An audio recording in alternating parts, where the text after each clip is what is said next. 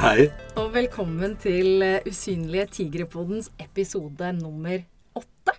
Dette er altså podkasten som eh, vil gi folk kunnskap og innsikt om rus og pårørende i Norge. Og så er dette ordet pårørende, da. Veldig merkelig ord, da. Men pårørende, det er de som er i familie med, eller som er glad i, eller som kjenner noen som kanskje ruser seg for mye. Eller eh, ja, har problemer med rus, rett og slett. Og jeg heter Jeanette Flagstad. Jeg leder det som heter Usynlige tigre, som er nettverket for pårørende i Norge. Og i dag, altså. Jeg har gleda meg så fælt.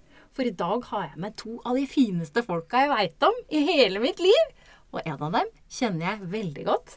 Han er elleve år og heter Marius. Han andre kjenner jeg ikke så godt, men man føler jo liksom at man kjenner han ganske godt likevel. Fordi man har sett han så mye. Og det er Trond-Viggo Torgersen. Og som Marius sa, det er jo mannen bak Puss Puss og Får du en suss? Hva han kan. Hva han kan. Og jeg i denne sammenhengen så er jeg en avrørt. Fordi at jeg ikke kjenner dere godt nok, og jeg har ingen i min familie som er rusmisbrukere. Nettopp. Sånn at jeg kjenner egentlig ikke så godt til dette som person. Nei. Fordi at jeg har stor respekt for de som kan noe om det ved å ha kjent det på kroppen, eller kjenner det i følelsene sine. Men der kjenner jeg det bare som lege, og som har jobbet med, med folk med rusmisbruk. Mm. Så det er min det er, Derfra starter jeg. Det er veldig fint at du sier. Ja. Fordi at eh, vi har jo hatt noen podkaster tidligere hvor nettopp, som du sier, det er folk som kan veldig mye om feltet. Som allerede har vært og fortalt litt. Ja. Men i dag da, så har vi jo hatt eh, Det er jo en grunn til at du er her, Trond-Viggo. Fordi at eh, du er jo innmari god til å håndtere spørsmålene om hvorfor det. Det elsker jeg. For jeg syns hvis man ikke har en åpning for nysgjerrighet, så blir det ikke noe gøy. Og hvis man ikke har en åpning for nysgjerrighet innenfor et stort fag som medisin, så blir det heller ikke noe gøy. Så vi har jo vært sammen på et arrangement hvor folk har fått lov å stille spørsmål om hva som helst. Og da begynner jeg, som du merker, også å plukke i det. For det, det er mye hvorfor det er bak. Og til syvende og sist så er det hele poenget med et universitet.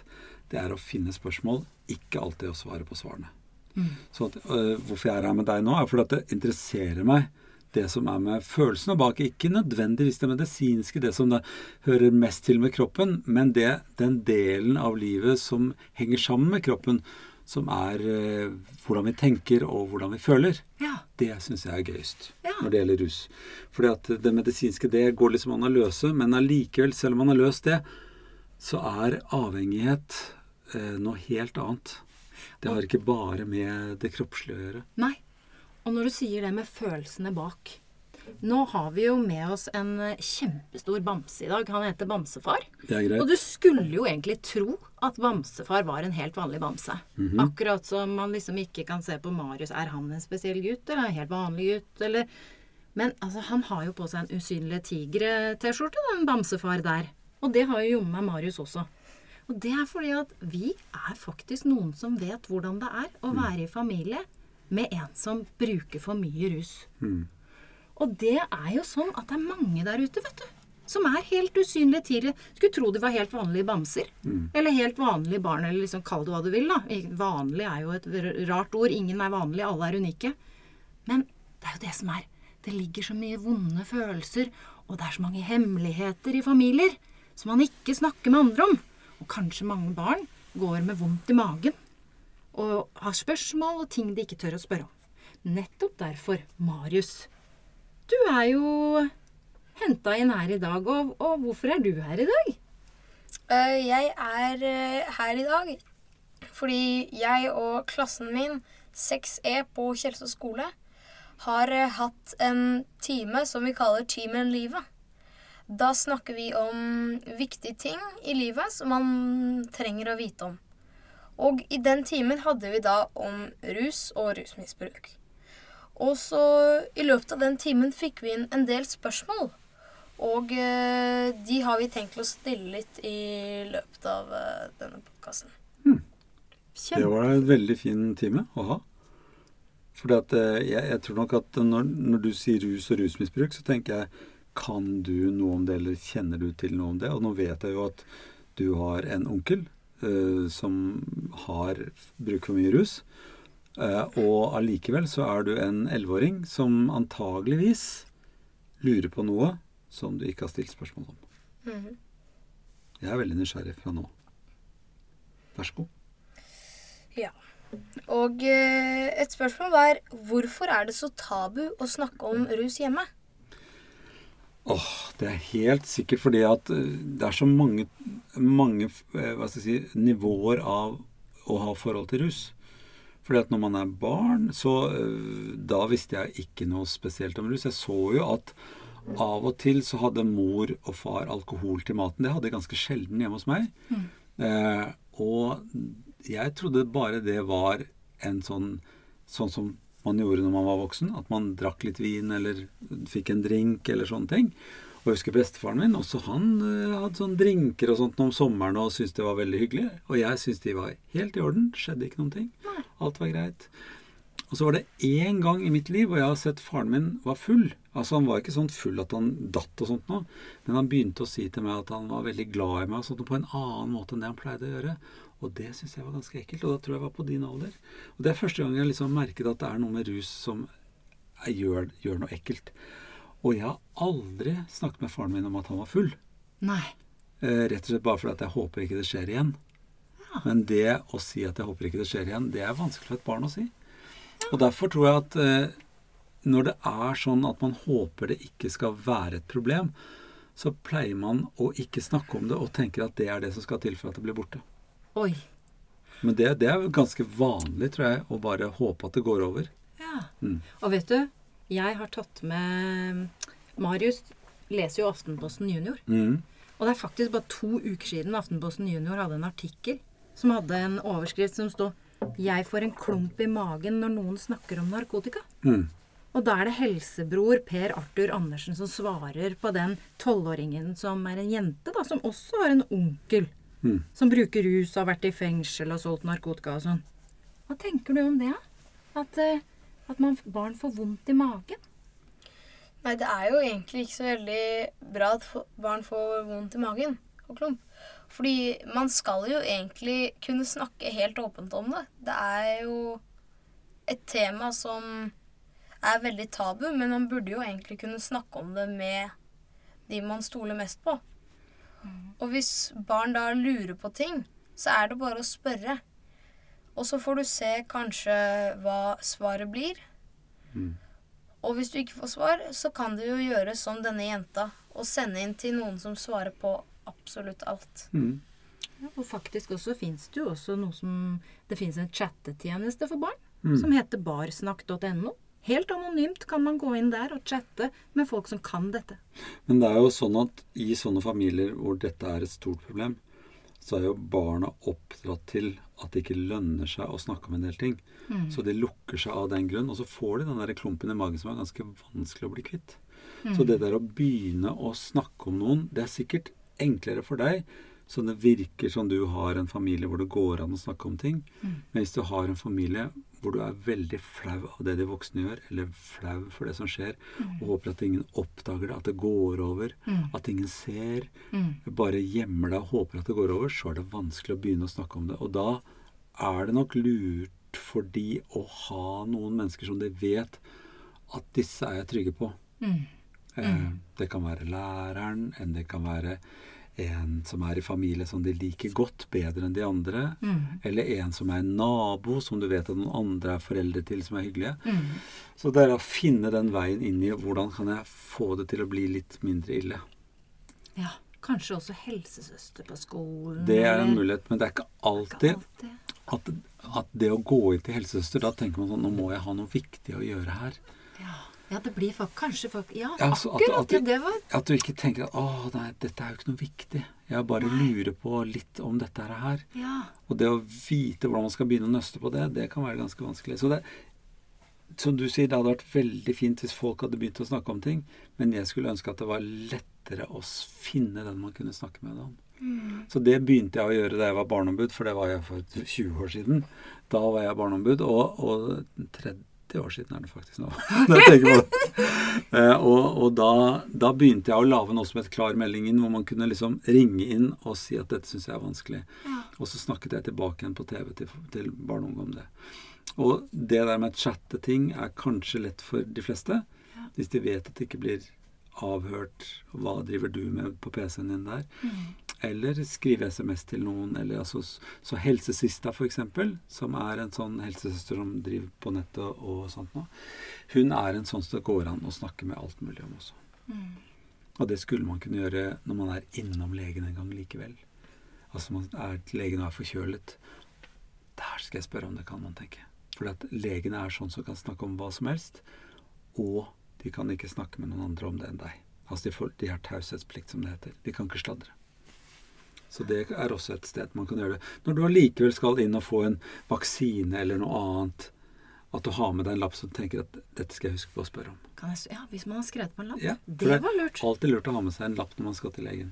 Det var Så man ikke glemmer de viktige tingene. Bra. Det var bare et tips. Ja, men det var veldig godt tips. Ok, Marius. Neste spørsmål. Neste spørsmål. Hvordan får man tak i rus? Åh, det kommer an på hva slags rus, ikke sant? For det er jo, i din alder så, så er det noen som prøver øl, eller prøver noe sprit som de har funnet, eller noe vin de har funnet hjemme hos mor og far fordi de er borte, eller, eller de er hos onkel og tante og overnatter, eller ligger hos noen andre i klassen og overnatter. Eh, og gjør det for gøy, for de tenker at å, dette skal jeg prøve. Jeg skal være litt gæren. Og det er kanskje ikke din alder, men når det går ett år eller to år, jeg lover deg, du kommer til å få lyst til å finne på noen gærne ting. Og da er det sånn som dukker opp. Du får lyst til å røyke i smug, eller altså prøve noen ting som ikke er lov. Fordi du har lyst til å prøve det som ikke er lov. Eh, og, eh, og da tenker jeg at det er nok mange som har en kamerat som sier skal vi ikke prøve å drikke litt øl, og så, så kjenne på det, og prøver det. Og så er det noen som da lærer seg å røyke. For røyke må man kunne hvis man skal prøve hasj, f.eks. Ja. Det er litt vanskelig å, å røyke hasj uten å, å kunne røyke. Mm. Og noen kan få tak i det på andre måter.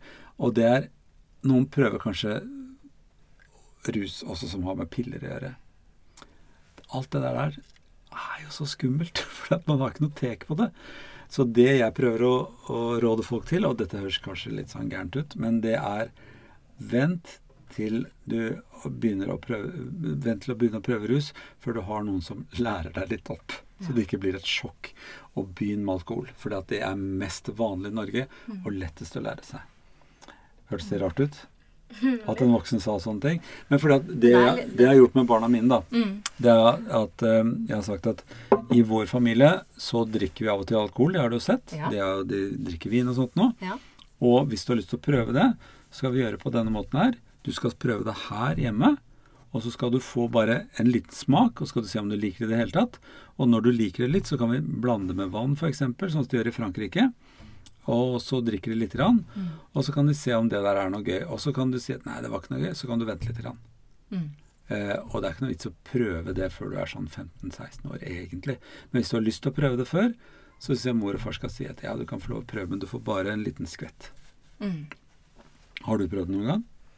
Nei, Nei. ikke lyst. Nei, men altså det er jo helt fair å ikke ha lyst, og det er helt fair å aldri drikke alkohol. Mm. Men det er veldig uvanlig i den forstand at det er veldig mange familier som drikker litt vin en eller annen gang, og det er noen som drikker for mye vin stadig vekk. Ja. Og så er det jo forskjell òg, liksom. For rus En ting er det man kjøper i butikken. Liksom alkohol Mm. som er veldig vanlig. Og så er det jo de tingene som er ulovlig. Som er kriminelt, da. Eller som ikke er Men lov, nesten liksom. alltid så begynner folk med noe som er Ja. ganske lovlig. Ja. Og så tror de at når de bruker rus, så kommer de de, de får en annen stemning i hodet, så de kommer bort fra noe som var litt vondt. Mm. Så det der å ha vonde følelser er det bedre å løse på en annen måte, og særlig begynne å snakke om det, som du sier. Mm. Istedenfor å, så- å bruke rus til det. For rus skal egentlig være noe koselig, noe man gjør sammen med folk når man har det hyggelig. For da passer man litt på hverandre Mm. om det er om det, man drikker lite nok. Også sånn som du nevnte, det der med å røyke og hasj og sånn. Mm. Det er Om man har lyst til å prøve det, så bør man vente kjempelenge. For Mm. hjernen er ikke ferdig utvikla. Og det er jo også litt sånn som meg, som de som har vært her, som har snakka om det, som kan det.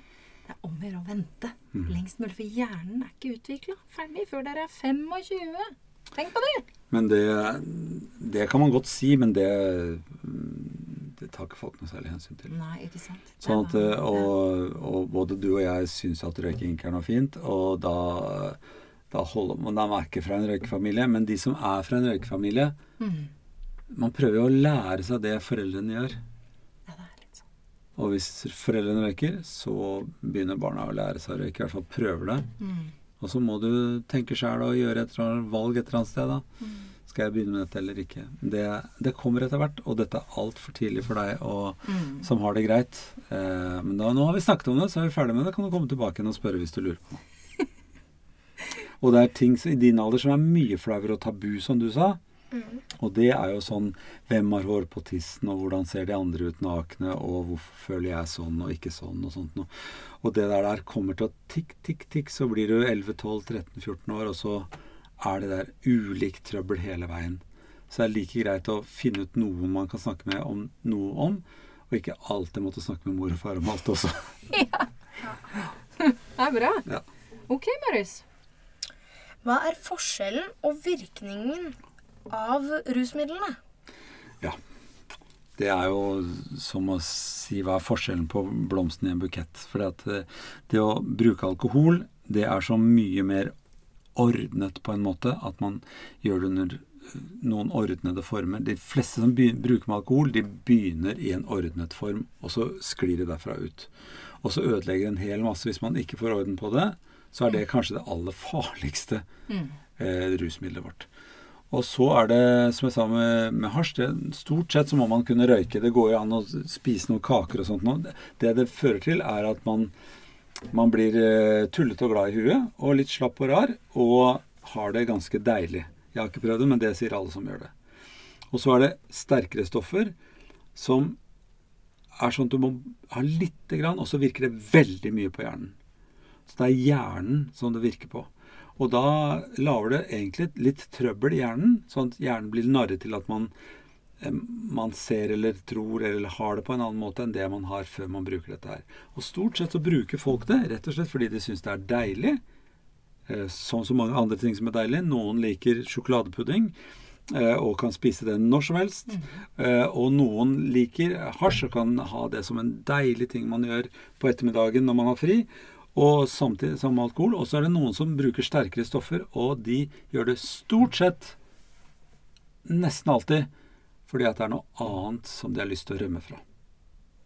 Sånn at det der å finne ut hva du rømmer fra, og går det an å ha det ålreit selv om du har noe du har lyst til å komme bort fra, Mm. det er, en, det er så stor ting at det Det blir ikke løst vips. Det tar kjempelang tid for de aller fleste. Ja. Og da skulle man ha begynt før stort sett å snakke om ting. ja, fordi det vi ser også, de som kanskje har vært og brukt rus da, Mm. i mange år, når de først vil ha behandling og vil vekk fra det livet, Mm. det noen av dem må gjøre, er akkurat som å gå tilbake Mm. til da de begynte. Og så må de faktisk rydde opp i det som var grunnen til at de Og- begynte. Og det de gjør også, er at de For nå sier jeg de plutselig, det kunne vært meg, men altså det er det at de, de går og snubler og prøver og snubler og snubler og går og snubler og går, og så glemmer de litt at 'jeg får ikke til å gå', så jeg gidder heller Jeg, jeg går heller på knærne, liksom. Altså du, du, De dumper nedi med det ene eller andre beinet, og det kalles å sprekke, da. At, øh, og når de sprekker, så syns de at 'ja, det var litt godt, men jeg skulle jo bort fra det', også. og jeg misunner dem virkelig ikke, men det er så mye tapre folk som prøver å komme ut av rus, Mm. at jeg, det har jeg stor respekt for. Og jeg har aldri hatt det så fælt sjøl, så jeg kan ikke egentlig si hva det er. Og du har ikke hatt det sånn. Så du kan heller ikke si hva det er. Neste spørsmål. Hvordan blir du hvis du tar det over tid? Ja, og da tror jeg man blir, eh, blir sløvet generelt, og så begynner man å ødelegge hjernen sin. Hvis du tar for mye alkohol, så vet jeg akkurat hva som går gærent i hjernen. Men fordi det er så mange typer rusmidler nå, så er det ikke alle rusmidler man kan si hva som skjer over lang tid. Men det skjer mye fortere. Altså du ødelegger en del av hjernens funksjoner mye fortere. Sånn at for eksempel så kan man, man kan lave, lære en sånn kobling som kan gå helt gærent, hvor du tenker, du kan tenke Å, det har vært deilig å hoppe ut av her, vinduet her og kunne fly. Og så sier du til deg selv Men det vet jeg, det går ikke. For da kommer jeg bare til å dette ned, og så dør jeg. Mens hvis du hadde tatt et spesielt stoff som er et russtoff som ødelegger det i hjernen din, så ville du tenkt å, det har vært deilig å kunne fly. Og det tror jeg jeg kan!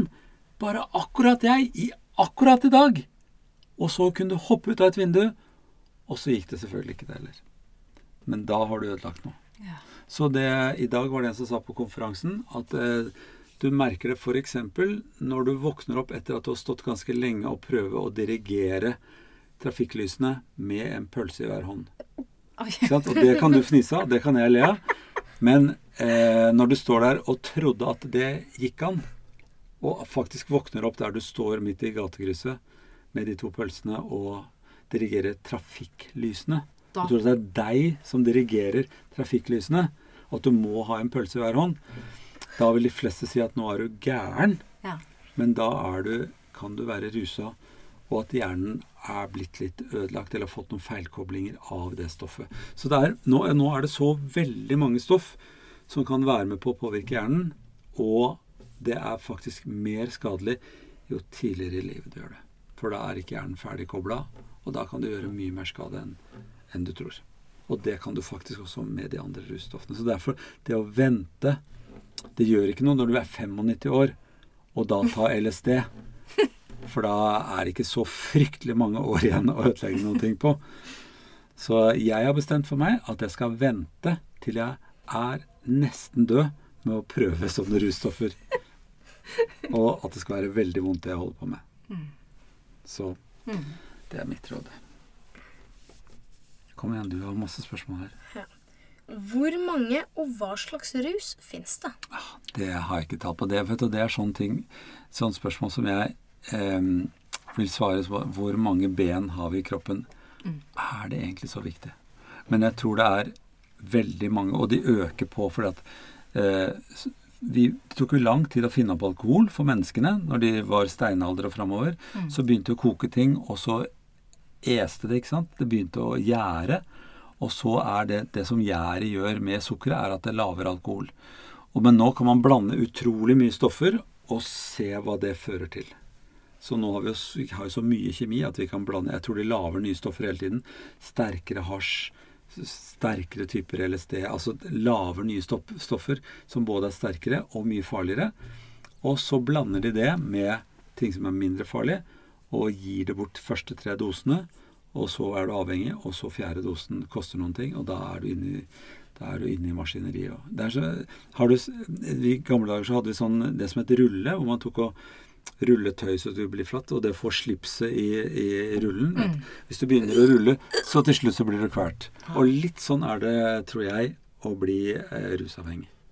At man rett og slett ikke kan bestemme selv. Man har fått slipset inn, eller tauet rundt halsen inni en maskin som bare går og går. Det kan være sånn at man mister kontrollen på livet sitt, rett og slett. Ja, ja, og mister kontrollen på de andre og ødelegger familien. Og, og alle går i maskineri på en måte. Ja. Ja, det er det. At det er så mange som blir med inn i den rulla. Ja. I det maskineriet. Trist. Ja, det, det er litt trist, det. Ok. Men så går det også an for dem å få stoppa maskinen og få et slips, holdt jeg på å si. Så hvis de orker Hvis de vil selv. hvis de vil, virkelig og hvis de vil selv. orker Ja, hvis de ja. Få behandling. det er, ikke, det er ikke lett. Vær så god. Er det ulovlig å ta rus? Altså I vårt samfunn så er det jo lovregulert en del ting. Sånn at det er noe som er lov og ikke lov. Ikke? Det, er lov det er til og med ikke lov å parkere en del steder med bilen sin.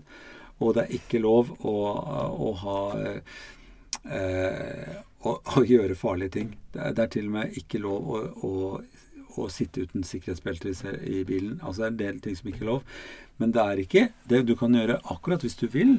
Å putte et sugerør så langt opp i nesa du vil, og det gjør vondt, og du bare fortsetter å putte det sugerøret opp i nesa, så er det ingen som kan si at det er ulovlig. Sånn, sånn er det med rus også. At det er ikke noe rus som egentlig ikke er ulovlig å utsette seg for, men det er lov å kjøpe det man kan bli rusa av. Altså en god del ting er, er regulert eller er lov og ikke lov. Men hvis du får tak i det likevel Se her på gaten ligger det noe eh, narkotisk stoff som jeg tenkte jeg kunne bruke. Jeg aner ikke hvor det har kommet hit, men det er ingen som kan stoppe meg. Og hvis jeg får tak i det i utlandet et sted hvor det ikke er noe lov ulovlig å kjøpe det, og sånt nå, så er det ikke noe å gjøre ved det. Så det er, og det er ulovlig kanskje å selge det, men er du avhengig av det, så får du tak i det uansett. Så det er et eller annet med dette her som Det kan godt være ulovlig, men det er ikke sikkert at det hjelper. Og så er det jo noe med at f.eks. alkohol som er lovlig, Ja. det, kan jo, det er jo det største rusproblemet Ja, vi har i Norge. mener jeg har sagt veldig tydelig Ja, at det er det farligste. Ja.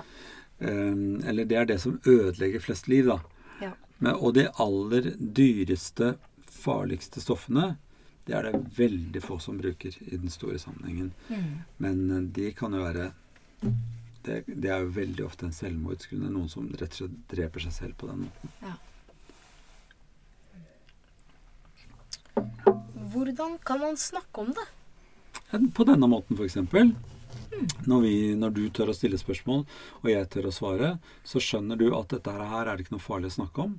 Fordi at eh, eh, når voksne er så voksne at de kan snakke om hva som helst Jeg mener at jeg er så voksen at jeg kan snakke om hva som helst.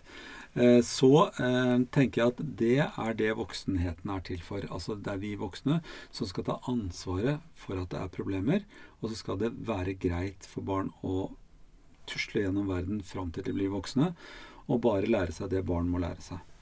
Uh, og så skal vi holde unna barna det som, som ikke er noe bra for barn. Men når voksne ikke får til det, Mm. så er det allikevel eh, voksenverden som skal løse det. Og det du har gjort med klassen din, syns jeg er helt perfekt. Nemlig å snakke om det og stille spørsmål, og at ingen har stoppet dere i å stille spørsmål. Så det tror jeg er veien å gå. Oda er en flink lærer. Ja, det høres sånn ut. Det høres ut som det er en fin gjeng med barn også. Absolutt. Og så er det én antageligvis i klassen som har et er i slekt med noen som har et veldig stort rusproblem, som ikke tør å snakke om det. Fordi at Oi. Én en av, av, av 25 elever er det minst som har et stort alkoholproblem i familien, og kan ha et annet problem også. Og for dem er det enda viktigere at dere har snakket om det, og at du stiller spørsmål til meg på vegne av klassen, enn det er for alle de andre som ikke har noe problem. Ja, for hvorfor det, tror jeg? Ja, fordi at jeg tror at eh, vi må alle sammen regne med at det er noen vi snakker til, og snakker med og snakker om, Ja. Som har et mye større problem, og at det er viktigere for oss at vi gjør den jobben og snakker om det, enn at de skal stå fram. Mm.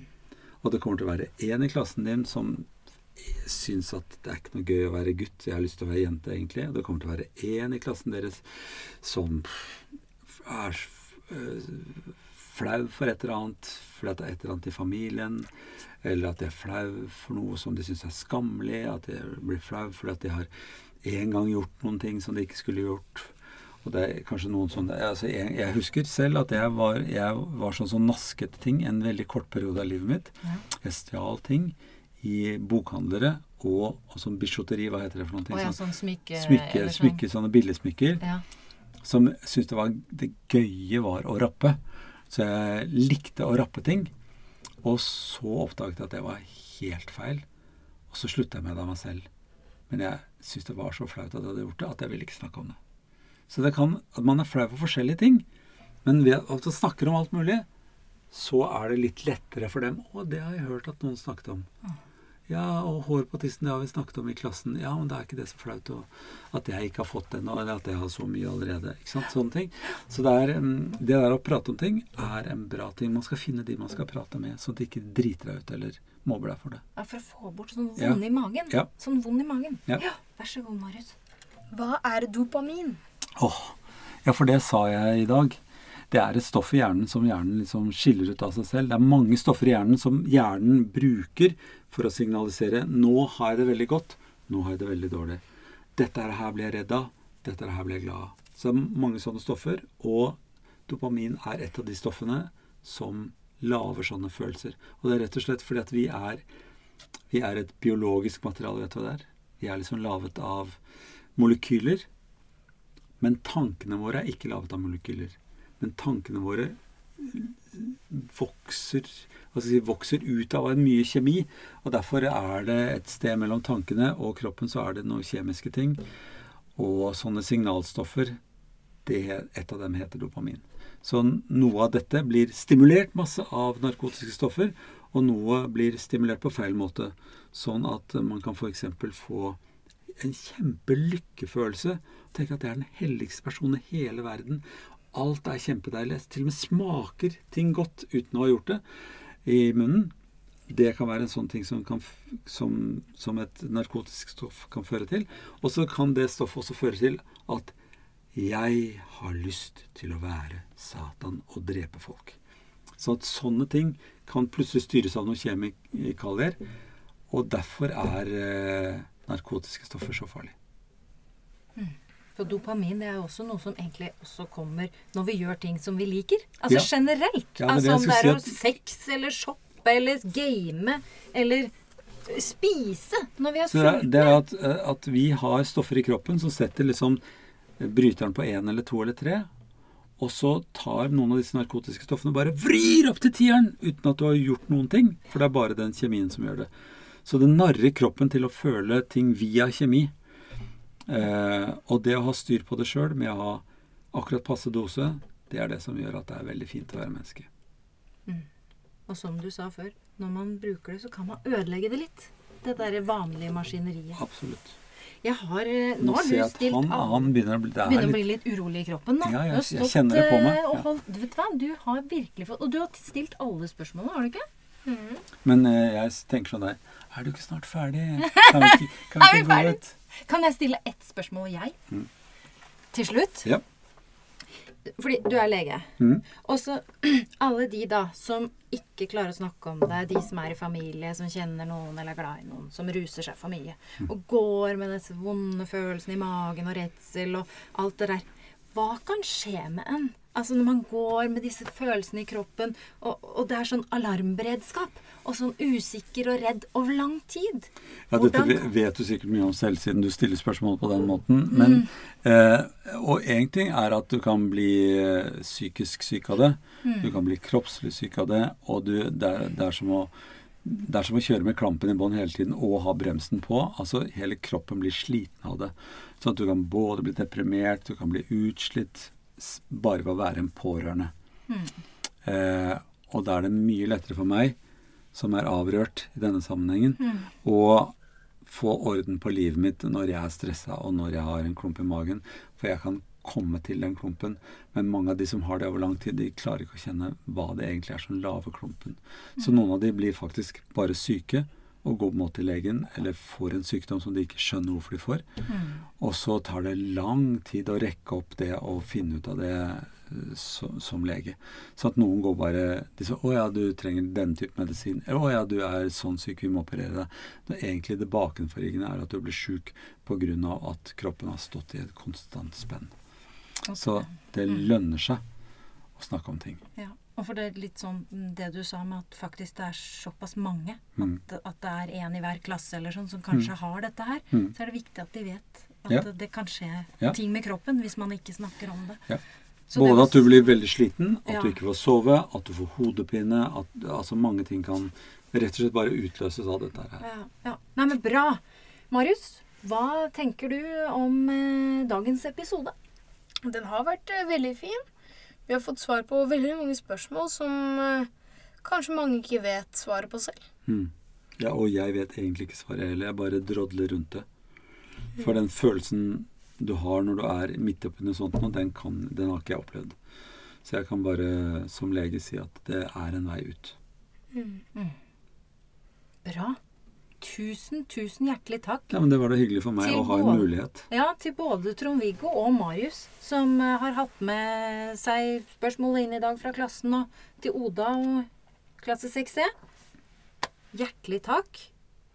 Dette her kommer på Usynlige tigres hjemmeside, www.usynligetigre.no. Det kommer på Spotify, iTunes, Soundcloud.